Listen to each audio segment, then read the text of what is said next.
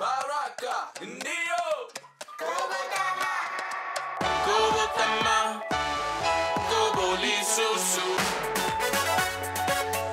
Koboli Susu. Dag Nadia, Dag Baudouin. alles goed? Alles goed met mij? hè? Ja. Welkom in ieder geval eh, op de podcast zelf.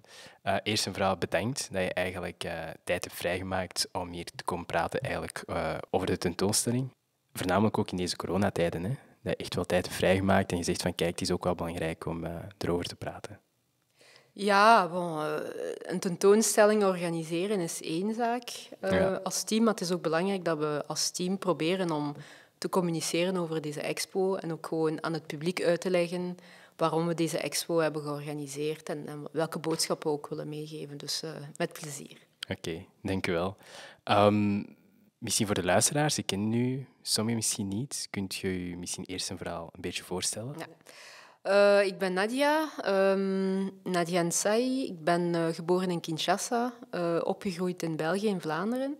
Ik heb politieke wetenschappen gestudeerd in, in Leuven. Ehm, ik heb ongeveer negen jaar gewerkt voor Vlaamse NGO's rond Congo Ja. als beleidsmedewerker. En sinds vorig jaar werk ik eigenlijk als curator beeldvorming bij het MAS. En eh, ik ben ook co-curator samen met Else Palmenaar, co-curator van de expo 100 keer Congo, eh, een eeuw Congolese kunst in Antwerpen. Ja.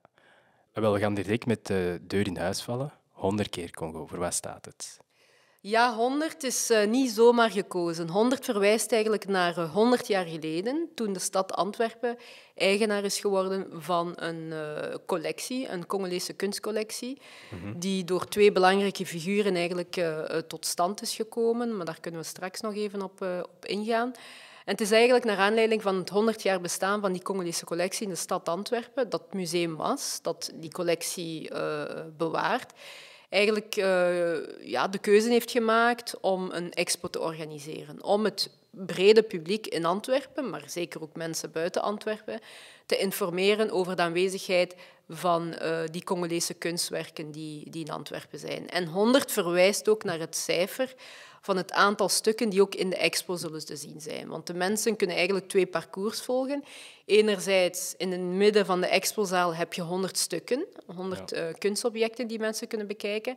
En aan de zijkanten, tegen de muur, heb je een soort van historisch parcours waar mensen eigenlijk ja, de relaties tussen Antwerpen en, en, en Congo en Afrika in het algemeen kunnen, kunnen ontdekken. Ja. Dus als ik het goed begrijp, eigenlijk in 1920, sinds 1920 eigenlijk, heeft de stad Antwerpen een Afrika-collectie. Ja, inderdaad. Dat is een collectie van ongeveer 15.000 stukken, eh, Afrikaanse stukken. En ongeveer een derde komt uit eh, het Congo, dus het huidige Democratische Republiek Congo.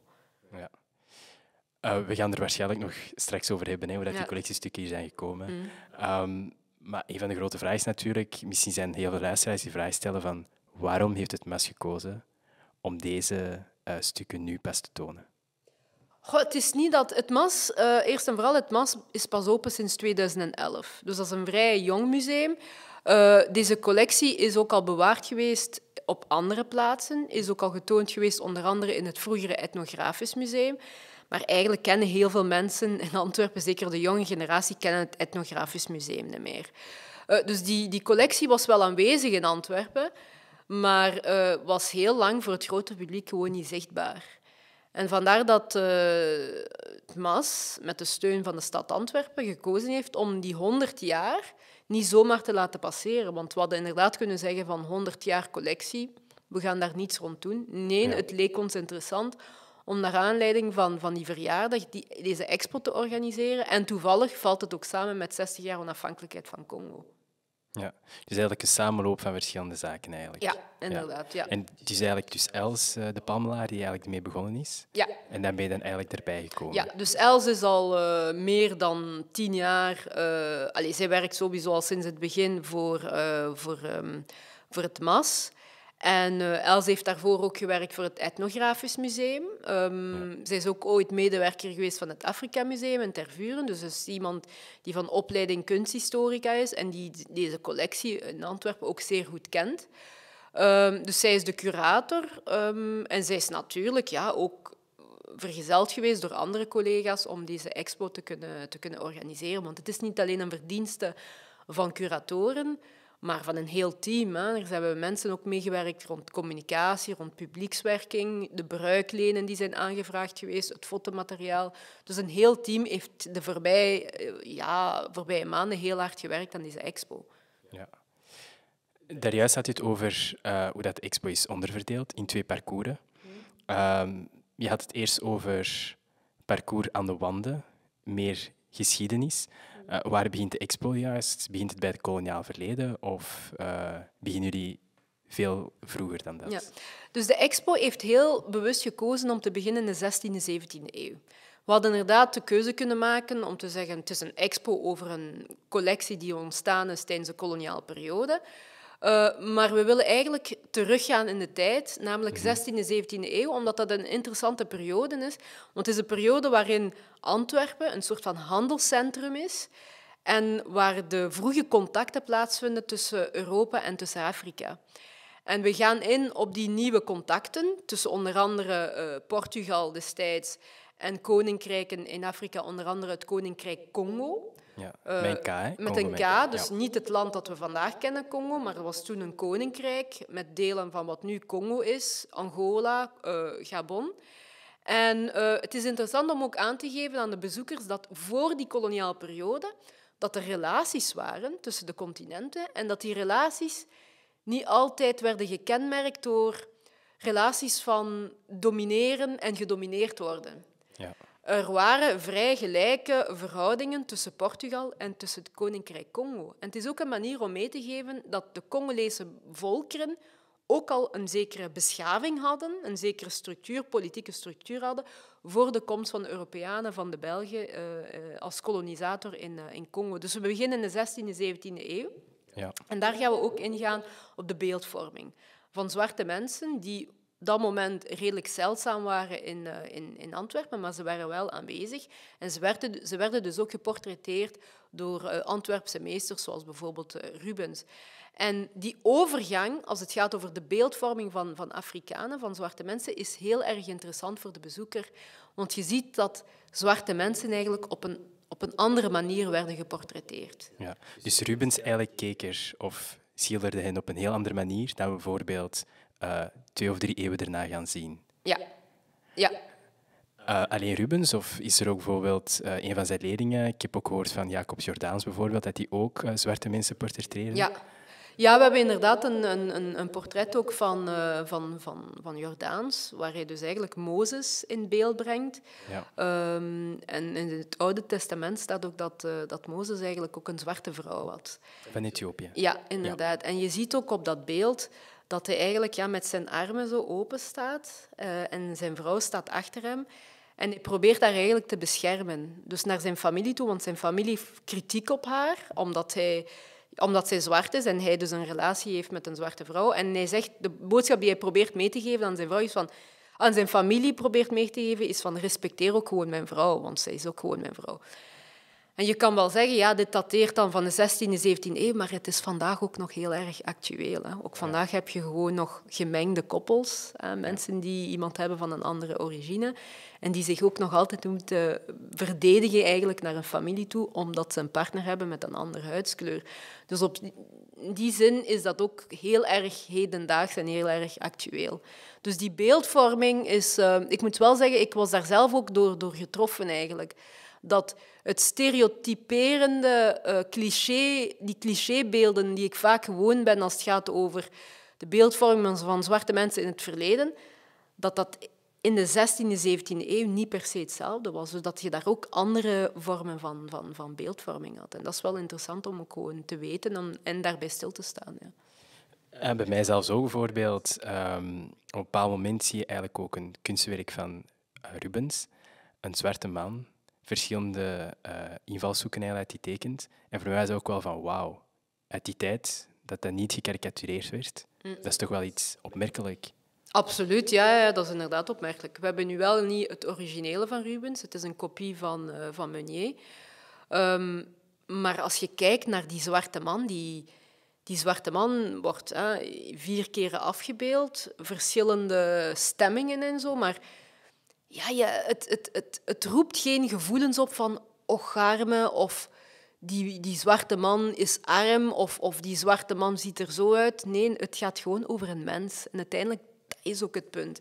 Zeker in een, in een samenleving waar mensen tot vandaag nog altijd ook in media, in films, in stripverhalen, nog vaak ook op een koloniale, karikaturale manier worden afgebeeld, is het zo verfrissend om te zien dat zwarte mensen ook gewoon als mens kunnen afgebeeld worden.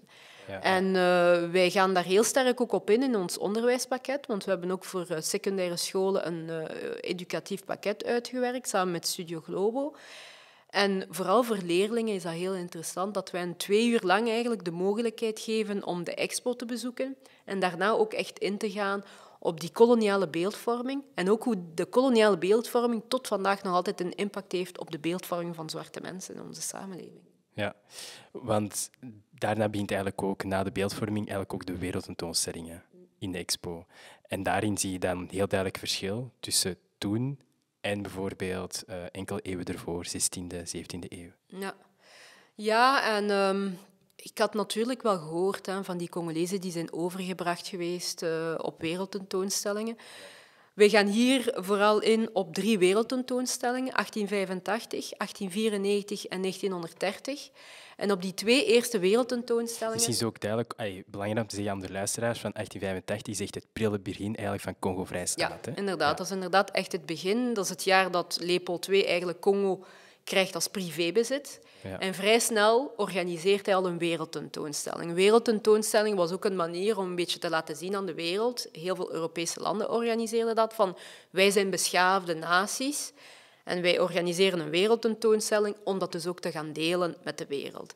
Dus in die context worden Congolezen overgebracht. En in 1885 zijn dat twaalf Congolezen. En wij tonen ook een, een, een, een hele ja, een heel sterke foto ook van, uh, van die twaalf Congolezen, um, ja, die eigenlijk hier opgevoerd worden als dieren. Want uiteindelijk, daar gaat het over. Ja. Hebben die mensen zelf beslist om naar België te komen? Ik denk het niet. Dus zij zijn hier eigenlijk opgevoerd geweest en dus het witte publiek kon dus naar die wereldtentoonstelling gaan om daar dus eigenlijk te zien hoe die Congolezen zogezegd leefden in, uh, in, in, in Congo. In 1885 keren ze daarna ook gewoon terug naar Congo, uh, maar in 1894 zijn er 144 Congolezen die worden overgebracht. Dat is een veel grotere groep. Er wordt dus ook een fictief Congolees dorp gebouwd, waar die dan eigenlijk overdag moeten nabootsen hoe ze leven in Congo. Nog altijd hier in Antwerpen. Nog hè? altijd hier in Antwerpen, op, uh, op het Zuid. Het huidige Zuid, hè, Ja. dat we nu vandaag Ja, kennen. inderdaad. En ehm, we, we hebben ook een onderzoek gestart en we zijn daar dan ook te weten gekomen dat er, eh, dat er Congolezen zijn, tientallen Congolezen, die ziek zijn geworden in die periode. Ja. En eh, ongeveer acht Congolezen zijn gestorven. En persoonlijk is dat iets dat Dus mij... even vooral, dus echt Congolezen zijn gestorven op het moment dat ze kwamen voor die tweede wereldtentoonstelling Ja. hier in Antwerpen. Ja, inderdaad. En Hele jonge mensen. ja, Tussen dat volgende 17 vraag van hoe oud waren die ja, mensen? dus we hebben in de expo zelf hebben we een, een soort van gedenkmoment gecreëerd waar de bezoeker even kan stilstaan, ehm, kijken naar de acht namen van die mensen. Ja. Want die mensen hebben, dat gaat over mensen. Hè. Doe- doe- allee, dat gaat over mensen die een identiteit hadden, die een naam hadden. Dus we zetten daar de namen van de mensen, de dag dat ze zijn gestorven, de leeftijd dat ze toen hadden. Dus het gaat over eh, Congolezen van tussen 17 jaar en, en 25 jaar. Dus ongelooflijk eh, jonge mensen. En het is interessant ook voor onze gidsen om echt stil te staan met Ja. wat daar toen is gebeurd. Dus dat er mensen zijn gestorven omdat ze hier eigenlijk ja, het witte publiek moesten komen entertainen. Ja. En ze zijn dan begraven in Antwerpen en vandaag liggen ze met heel veel andere Belgen die ook destijds zijn gestorven in een massagraf. En dat verhaal vertellen we eigenlijk in de tentoonstelling. En eh, als ik het goed begrijp, we zijn er ook erachter gekomen van die acht mensen door het feit dat ze hun naam werden geschreven in eh, het ziekenhuisboekje Ja. van Stuyvenberg. Ja, in het ziekenhuisboekje en vooral in de documenten eigenlijk van Alexis Mols. Alexis Mols was een medestander van Leopold II. Ja. En hij heeft ja, die zaken bijgehouden, want hij moest onder andere eh, de ziekenhuiskosten betalen. En het is eigenlijk eh, bij het Felix-archief dat wij dus ook die documenten hebben teruggevonden en zo een beetje hebben kunnen ja, reconstrueren van wat er eigenlijk gebeurd is. Ja. Dat is eigenlijk wel absurd om over, als we erover nadenken. Hè? Ik vind dat een, echt een, ehm, ik vind dat echt een vreselijk verhaal. En ik vind als we het hebben over dat koloniaal verleden, dan kunnen we die menselijke trade- tragedies niet zomaar opzij laten. Dus dat, we zitten middenin dat koloniaal project, eh, waar mensen eigenlijk uit hun land worden gehaald en worden ja, opgevoerd eigenlijk alsof ze geen menselijke wezens zijn. En ik vind dat, ja, ik vind dat vreselijk eigenlijk. Ik vind, ehm, ik vind het belangrijk om daarbij stil te staan en ook gewoon ook na te denken als stad. En ik ben ook blij met eh, wat de schepen ook gezegd heeft, dat er ook wordt nagedacht over een gedenkplaat. Hè, van die mensen verdienen een soort van eerbetoon, een, een publieke verwijzing in onze publieke ruimte, dat we weten van wat er gebeurd is en dat het ook gewoon nooit meer vergeten wordt. Ja. Want ze waren tot nu toe waren ze eigenlijk gewoon vergeten eigenlijk in Ja, het is iets dat helemaal niet geweten is. We, bepaalde mensen weten wel dat er zeven doden zijn geweest in Tervuren in 1897, maar voor de doden van Tervuren waren er al de acht doden van, van, van Antwerpen.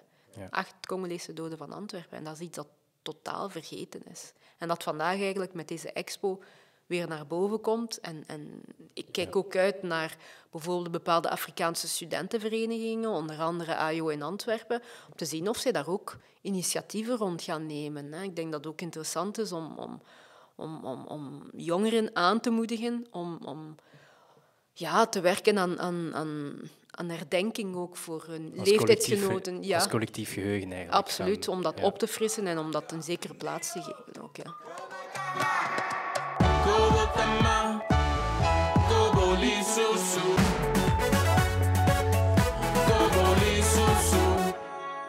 Hoe is die collectie eigenlijk tot hier gekomen, Nadia? Heel de Afrika-collectie van Thomas. Ja. Ehm, dus zoals ik al zei, de collectie is opgestart eh, vanaf 1920.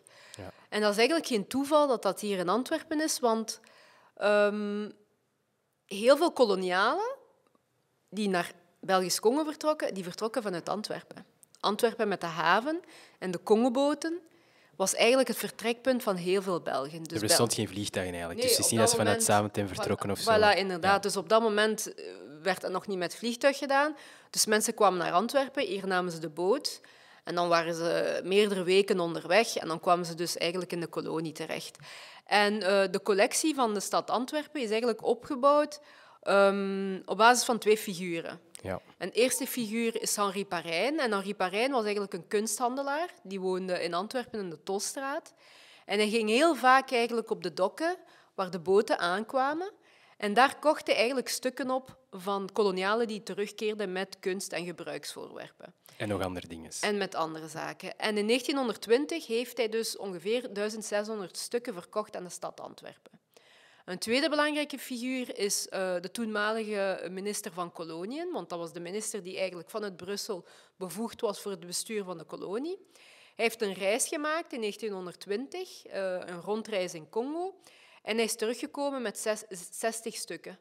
En hij heeft die stukken eigenlijk geschonken aan de stad Antwerpen, omdat hij ook gewoon zelf een Antwerpenaar was. Hij woonde ook zelf in Antwerpen, hij was een politicus.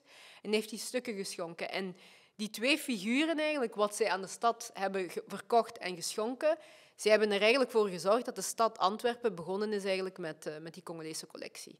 En daarna is die collectie ook verder aangevuld geweest met eh, schenkingen, onder andere van missionarissen, die ook heel lang in Congo zijn geweest, en ook aankopen van, eh, van missionarissen. Ja.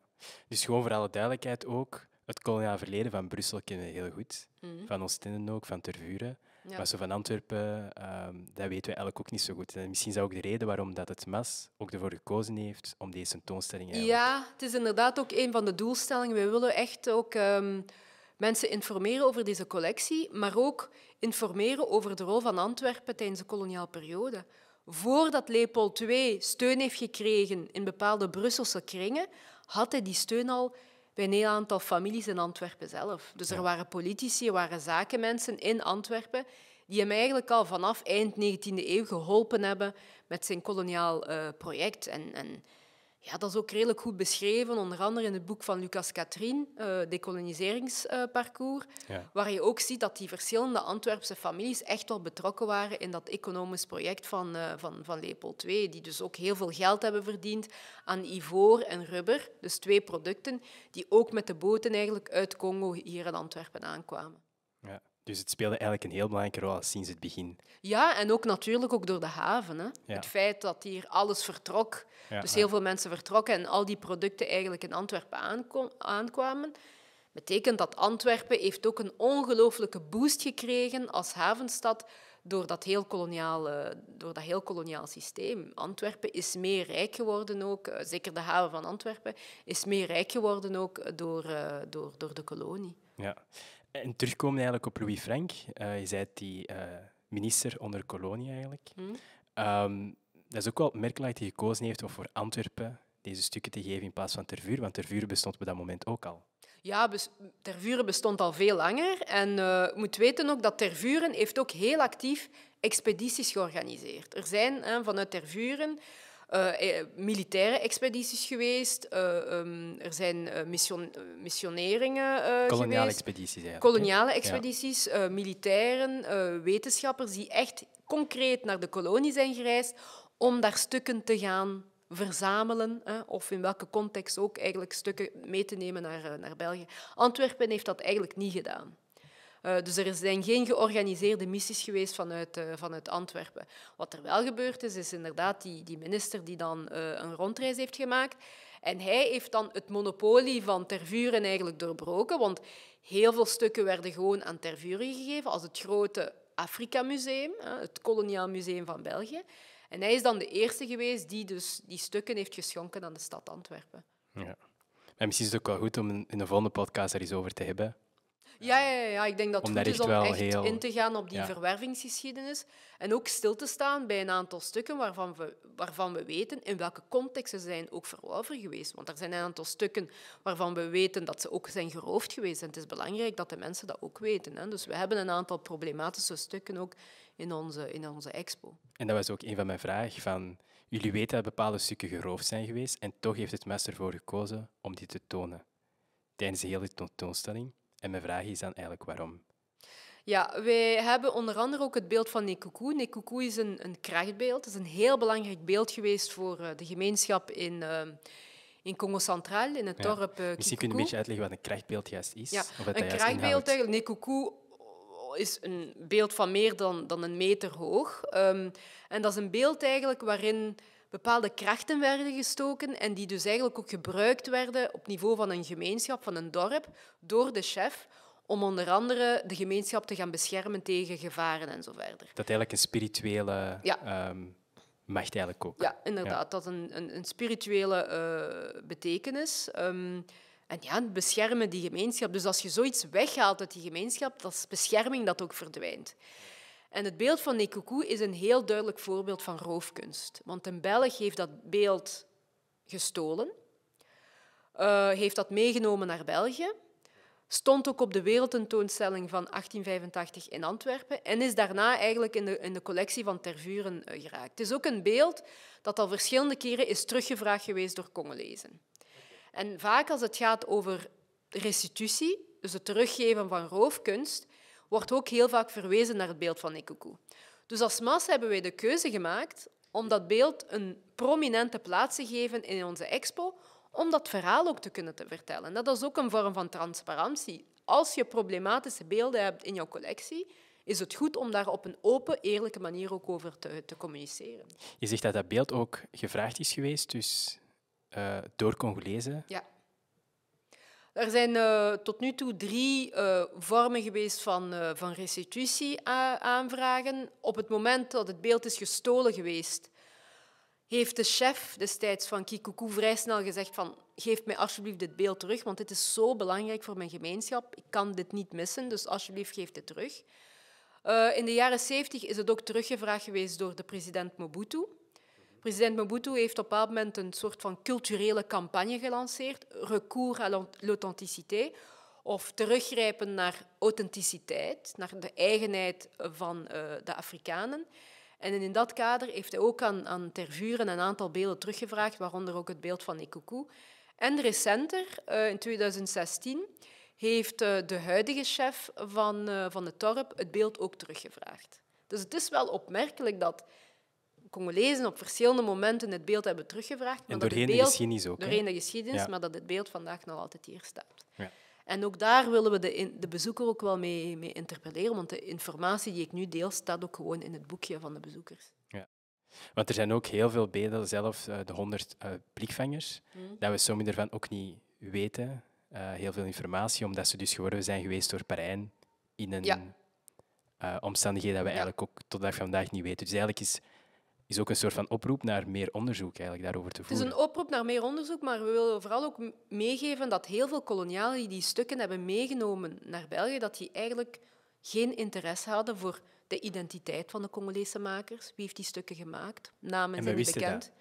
Wanneer zijn die stukken gemaakt? Ja. weten we vaak niet. Dus wat we weten is dat ze in de collectie van Parijn zijn terechtgekomen, van die kunsthandelaar, en dat Parijn ze verkocht heeft aan de stad Antwerpen. Maar heel veel weten we dus niet. We weten dat wel van één stuk, ook van de Antwerpse collectie. Dat is een chef van, eh, van het Songhe-volk. Ehm, en die had ook een belangrijk krachtbeeld, het Kolemani-beeld.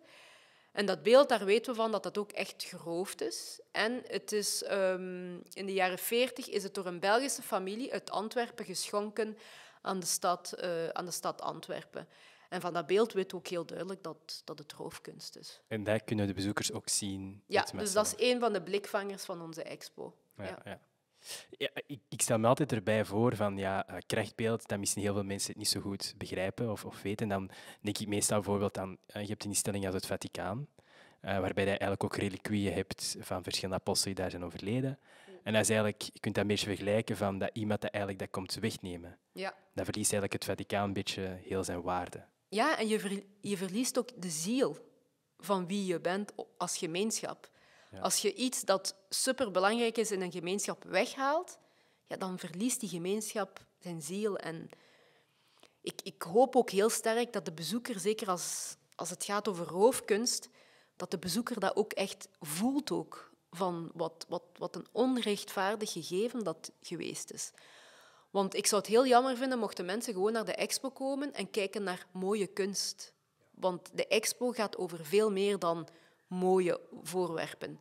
Het gaat over voorwerpen die in een koloniale context naar België zijn gekomen. En in een koloniale context betekent dan sowieso een context van bezetting, waar Congolezen eigenlijk als volk zijn bezet geweest en waar ze niet vrij zijn om te bepalen wat ze doen, hoe ze zich bewegen, wat ze voor zichzelf houden en wat ze moeten afstaan. We zitten in die context. Dus ik heb ook al van heel veel bezoekers gehoord van god, dubbel gevoel, een wrang gevoel. En eigenlijk is dat geen slechte zaak, want ik denk ook dat het, dat het vrij normaal is als je inderdaad een, een wrang gevoel hebt als je naar deze stukken kijkt. Want ze zijn mooi en ze zeggen iets over de rijkdom en, en de grote culturele creativiteit van Congolese volkeren. Maar ze, ze, ze, ze wijzen ons ook op het feit dat er in, de, in het verleden zaken zijn gebeurd die eigenlijk gewoon totaal eh, onrechtvaardig zijn. En, en het, is dat, het is dat gevoel dat we eigenlijk ook ergens willen meegeven aan mensen. En ook mensen gaan uitnodigen van oké, het verleden kennen we. We weten dat deze stukken vandaag deel uitmaken van de collectie van Antwerpen. Maar hoe kijken we nu eigenlijk naar de toekomst? Wat moet er nu eigenlijk gebeuren met deze collectie? Dat is ook een van de vragen op het einde van de tentoonstelling zelf. Hè? Ja, inderdaad. Dus de bezoekers verlaten de zaal en ze krijgen dan de vraag van hoe kijk je nu naar Congo? En die vraag is essentieel omdat de vraag gaat eigenlijk over hoe kijk je nu naar Congo? Kijk je nog altijd naar Congo met de clichébeelden hè, die je hebt gezien misschien op school of in media? Hoe kijk je naar Congolezen? Kijk je alleen naar Congolezen als mensen die zijn opgevoerd geweest op die wereldtentoonstelling? Of kijk je ook naar de Congolezen als mensen die een zekere cultuur hadden voor die kolonisatie? En uiteindelijk, hoe kijk je ook naar, naar dat erfgoed? hè, Naar dat cultureel erfgoed dat hier aanwezig is in Antwerpen? dat niet zomaar erfgoed is. Dat het erfgoed is dat een zekere betekenis had voor Congolese volkeren en waar vandaag de Congolezen in Congo zelf eigenlijk geen toegang meer tot hebben. Ja. Want wij natuurlijk hier, als we naar deze expo kunnen gaan, dat betekent dat we ergens een soort van geprivilegeerde positie hebben. We hebben toegang tot Congolees erfgoed, terwijl dat miljoenen Congolezen in Congo zelf eigenlijk geen toegang meer hebben tot dat erfgoed. En dat zet ons wel aan, aan het denken, of dat zou ons toch wel aan het denken moeten zetten. En dat komt ook terug in het filmpje van eh, In Vele Handen, Ja. dat bezoekers eigenlijk ook kunnen zien in de tentoonstelling zelf. Ja. En daar zijn er 25 eh, mensen die je aan het woord laten ongeveer. Ja. Eh, en daarin zegt iemand dat ook zelf van Congo. Hetgeen wat u eigenlijk net zegt. Ja, ehm, de bezoeker eindigt eigenlijk met de film van Verpaar, eh, een Belgisch-Congolees collectief van eh, Belgische en Congolese eh, filmmakers. De film duurt ongeveer 40 minuten en is een heel interessante film, omdat het eigenlijk alles wat mensen hebben beleefd daar in de expo, daar allemaal samenkomt. 25 mensen, Antwerpenaren, inwoners van Kinshasa, de hoofdstad van Congo, komen aan het woord en ze zeggen iets over een object. Ze geven ook nieuwe ze betekenissen. zelf mogen kiezen. Ja, ze hebben een object zelf gekozen. Ja. Ze zeggen iets over dat object en ze gaan ook nieuwe betekenissen geven. Want dat is ook belangrijk. Het is niet alleen het verhaal van de kunsthistoricus dat belangrijk is, of van onderzoekers dat belangrijk is, maar het gaat ook over de betekenissen die mensen vandaag ook geven aan die stukken. En eh, we zien daar ook een, een, een grote diversiteit als het gaat over leeftijden. Dus hè, verschillende eh, generaties komen ook aan, aan, aan bod. En Verpaar eh, is trouwens ook niet de enige waar we mee hebben samengewerkt in het kader van deze expo. We hebben ook samengewerkt met Patrick Mudekereza, hij is een Congolese kunstenaar uit Lubumbashi Ja. in Congo. En hij heeft eigenlijk gedichten gemaakt. En de bezoekers kunnen eigenlijk op de vitrines, waar de stukken zijn, de gedichten lezen van, eh, van Patrick. En dat zijn kritische gedichten die ook weer stilstaan met de waarde van die stukken. Want er is een spirituele waarde, er is een historische waarde, maar er is ook een wetenschappelijke waarde en zelfs ook een commerciële waarde. Want we weten nu al met deze expo dat bepaalde kunsthandelaars gaan proberen om ook profijt te halen uit deze expo. Ze gaan een aantal stukken die aanwezig zijn op deze expo, deze stukken gaan ze in een galerij naar voren schuiven en die gaan ook op de internationale markt ook van financiële waarde stijgen. En dat is natuurlijk het hele perverse verhaal ook aan, aan, aan die De kunsthallen. kapitalisering eigenlijk van ja, de stukken. inderdaad. En Patrick Mudekereza gaat daar ook op in in zijn artistieke interventie. Ja. Dus het is ook belangrijk eigenlijk dat de bezoekers daar ook echt wel naar kijken, naar die gedichten, Ja. reflecteren. Ja, zeker, want eh, nogmaals, ehm, dit is niet zomaar een klassieke expo over Congolese kunst. Eh, we hebben samengewerkt met eh Congolese en Belgische onderzoekers, met kunstenaars en met, eh, met filmmakers, omdat we niet alleen de stem van de curatoren of van het museum willen laten weerklinken in de expo, maar ook van filmmakers, van gewone mensen ook gewoon. Ja. En dus mensen die daarmee bezig zijn of die daar misschien minder mee bezig zijn. Mensen in Congo, maar mensen ook in België, verschillende generaties. En de boodschap is dat dat koloniaal verleden is, heeft zo'n impact gehad op, op het leven van mensen en op landen, België en Congo, ehm, dat je dat debat niet alleen maar kan voeren of laten voeren door mensen van hetzelfde profiel. Ja. Het Niet een select club in eigenlijk. Inderdaad, dus het moet het eigenlijk worden debat- opgetrokken. Ja, het debat over de kolonisatie is te lang eigenlijk gevoerd geweest door witte mannen. Ja. En eh, het is belangrijk dat in dit huidige debat dat er veel meer meerstemmigheid is en veel meer perspectieven aan bod komen.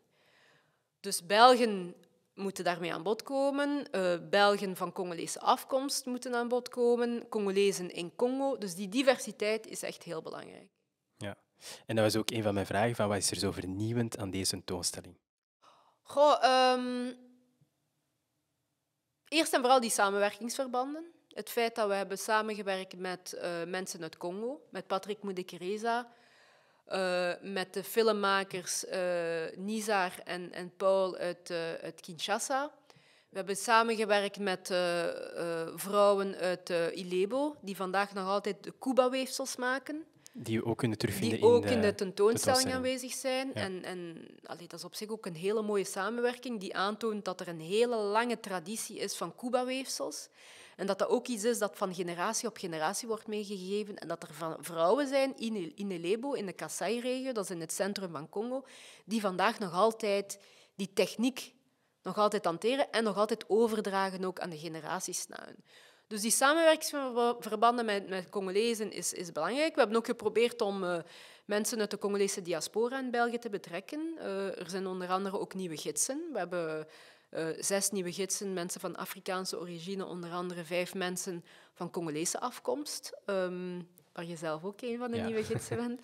Ehm, Ik vond dat zelf ook belangrijk, hè, om vanuit het museum ook een signaal te geven dat er niet alleen witte gidsen zijn, maar dat er ook gidsen zijn van kleur, hè, die ook mee in dit pro- project zitten. Ehm, daarnaast zijn er ook heel wat mensen van de diaspora ook aan bod gekomen in de film van, eh van Verpaar in, eh, in, in vele handen. Ja. En we gaan ook proberen, zeker op basis van de vragen die we krijgen van het stadsbestuur, bijvoorbeeld om na te denken over een, een gedenkplaat voor de acht Congolezen die zijn gestorven. Het is ook interessant om daar ook de Congolese diaspora te gaan betrekken. Dus op zich hebben we nu een netwerk opgebouwd ehm, dat verder ook kan eh, eh, ja, geconsulteerd worden voor verdere stappen die zullen worden genomen tijdens of na de, de, de, de expo. En ik wil toch ook wel even benadrukken, is dat er ehm, ja, ook een curator is aangesteld geweest van Congolese afkomst. Eh, het MAS heeft heel specifiek een, eh, een vacature eh, gecreëerd om iemand aan te werven. En, en op zich ben ik ook blij dat, dat ze de, de, de moed ook hebben gehad om iemand te nemen van, En hoe was van de Congolese hoe was dat diaspora. speciaal voor u eigenlijk? Voor mij was dat heel belangrijk, omdat ik al een, een paar jaar bezig ben met eh, mij meer en meer te gaan verdiepen in die, in die geschiedenis. In de geschiedenis van Congo, maar ook algemeen in de geschiedenis van Congo en van België. Ik heb ook recent een boek geschreven, eh, Dochter van de decolonisatie. En ik heb de keuze gemaakt om nu voor het MAS te komen werken, omdat het voor mij was ook een manier om toegang te krijgen ook tot dat Congolees erfgoed, dat eigenlijk ook een deel van mijn erfgoed is. En ik geloof heel sterk dat wanneer in dit soort van instellingen, die niet altijd vaak heel toegankelijk zijn voor mensen van kleur, als je daar dan iemand van kleur hebt, dat die ook op zijn of haar beurt ook misschien ook deuren kan openen voor andere mensen van kleur. En eh, ik heb dat proberen te doen met de nieuwe gidsen, maar ook met stagiairs, met andere samenwerkingsverbanden. En uiteindelijk denk ik dat dit specifiek project, want het gaat natuurlijk over een tijdelijke tentoonstelling, die duurt zes maanden tot eind maart, dat met deze tentoonstelling dat we ook op het einde ook wel een aantal lessen kunnen gaan trekken voor algemene instelling als museum. Want het is natuurlijk niet de bedoeling dat bijvoorbeeld die nieuwe gidsen alleen maar zouden ingezet worden voor een Congo-tentoonstelling. Het zou heel sterk zijn mochten een aantal van die nieuwe gidsen ook gewoon kunnen blijven om ook andere tentoonstellingen te gaan, eh, te gaan gidsen. Ja, dat is ook een hele ervaring, denk ik ook. Hè, zelf, want je had aan de ene kant de ervaren gidsen en dan had je ook nieuwe gidsen. En, want ze kregen ook allemaal opleiding. En hoe heb je dat zelf eigenlijk ook beleefd? Ja, ik vond dat op zich heel interessante momenten, want eh, we hebben verschillende vormingssessies georganiseerd, onder andere rond taal. En er zijn een aantal. Gebruiken we bijvoorbeeld het woord blank of gebruiken we wit? Ehm, hoe gaan we over met een aantal zeer gevoelige woorden? Hè, Er zijn een aantal ook. er zijn eh, een aantal gevoelige woorden. Het N-woord bijvoorbeeld wordt vandaag nog altijd in bepaalde Vlaamse milieus gebruikt, maar wat je eigenlijk totaal niet in de context van deze expo kan eh, gebruiken. Ehm, ook de keuze om het woord human zo te gebruiken en niet zomaar een Congolees dorp. Dus we hebben wel sessies gehad met de, met de gidsen om, om daarop in te gaan. We hebben ook een sessie gehad rond hoe ga je om met moeilijke situaties. Wat doe je als gids als je geconfronteerd wordt met een groep waar racistische praat verkocht wordt? Bewust of al dan niet bewust. Of wat doe je als gids als je bijvoorbeeld een groep van activisten uit, uit, uit Brussel krijgt, of uit Antwerpen, of ik weet niet uit waar, die heel sterk zeggen van die stukken moeten hier allemaal terug. Hoe ga je daar eigenlijk mee om met die moeilijke contexten? En op zich was het heel verrijkend om ook nieuwe gidsen te hebben voor deze expo, omdat ik denk dat de nieuwe en de oude gidsen ook wel van elkaar hebben kunnen leren. Die oude gidsen hebben natuurlijk al heel veel ervaring opgedaan, als het gaat over het hè, gidsen van rondleidingen. Maar de nieuwe gidsen, onder andere door hun afkomst, ja, hebben ook bepaalde gevoeligheden die, die ook wel konden eh, gedeeld worden met de oude gidsen. Dus ik geloof heel sterk ook in die, in die wisselwerking en het kunnen leren ook van elkaar, zeker als je een open houding hebt en daar ook eh, van, van, van wilt leren. Dat is een zekere dialoog eigenlijk. Absoluut, ja, ja zeker. Ik heb, eh, er zijn natuurlijk een aantal moeilijke gesprekken geweest, maar ik, op zich denk ik ook niet dat dat slecht is dat er moeilijke Nee, gesprekken zijn. Moeilijk kan ook, hè? Nee, moeilijk kan ook. En vooral, we spreken nu heel vaak over de debatten zijn gepolariseerd en, en zo verder.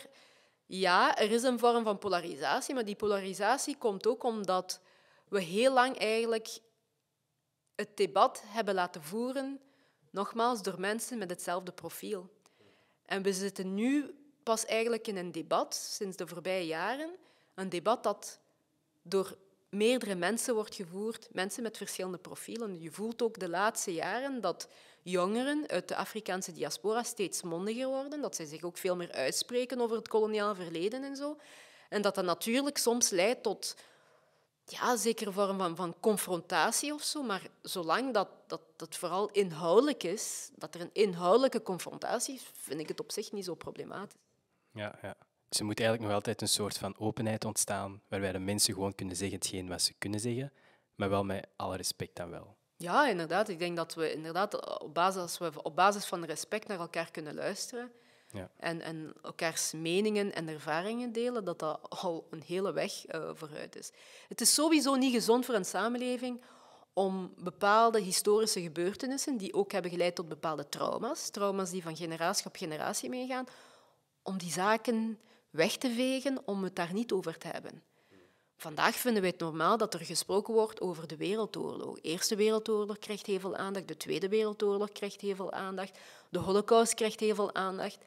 Ja, het is ook normaal dat het koloniaal verleden, dat 75 jaar heeft geduurd, dat dat ook aandacht krijgt. Want de Wereldoorlog heeft vier jaar geduurd. De koloniale periode, die pijnlijke periode, heeft 75 jaar geduurd. Dus je kan niet verwachten dat we als samenleving vandaag zeggen van ja, dat is het verleden, we gaan het daar niet over hebben. Nee, we moeten als samenleving durven stilstaan bij dat koloniaal verleden om het heden vandaag ook beter te begrijpen en om bepaalde fouten ook gewoon niet opnieuw te gaan herhalen. Ja. En dat kunnen eigenlijk ook de bezoekers terugzien doorheen heel de tentoonstelling. Eigenlijk. Ja, ik denk dat deze tentoonstelling een, tentoon, een tentoonstelling is dat stilstaat bij het verleden. Dat mensen interpelleert ook over het heden vandaag, maar dat zeker ook de ambitie heeft om de blik te werpen op de toekomst. Ja. En ehm, vandaar ook de campagne van, van, van de expo, die mensen ook op verschillende plaatsen in de stad kunnen zien. De vraagstelling van hoe keken wij naar Congo en hoe kijken wij vandaag naar Congo. Dat is een hele bewuste vraagstelling om mensen te laten stilstaan met hun eigen beeldvorming, de beeldvorming die ze hebben in het verleden, die ze vandaag hebben, maar ook hoe ze eigenlijk naar de toekomst kijken. En uiteindelijk, dat is het, de, de sterkte, denk ik misschien ook, en dat is misschien ook een oproep uh, voor mensen die heel actief zijn in dat debat over het koloniaal verleden, van laat ons niet um, beperken tot dat verleden.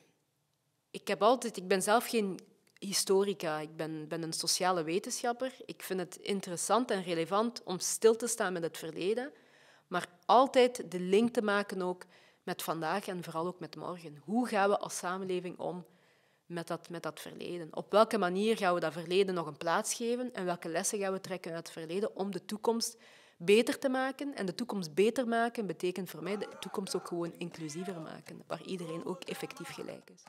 Ja, dat is een heel mooie afsluiting eigenlijk. Of een samenvatting van, van alles. Super, dank u wel. Ja, dank u.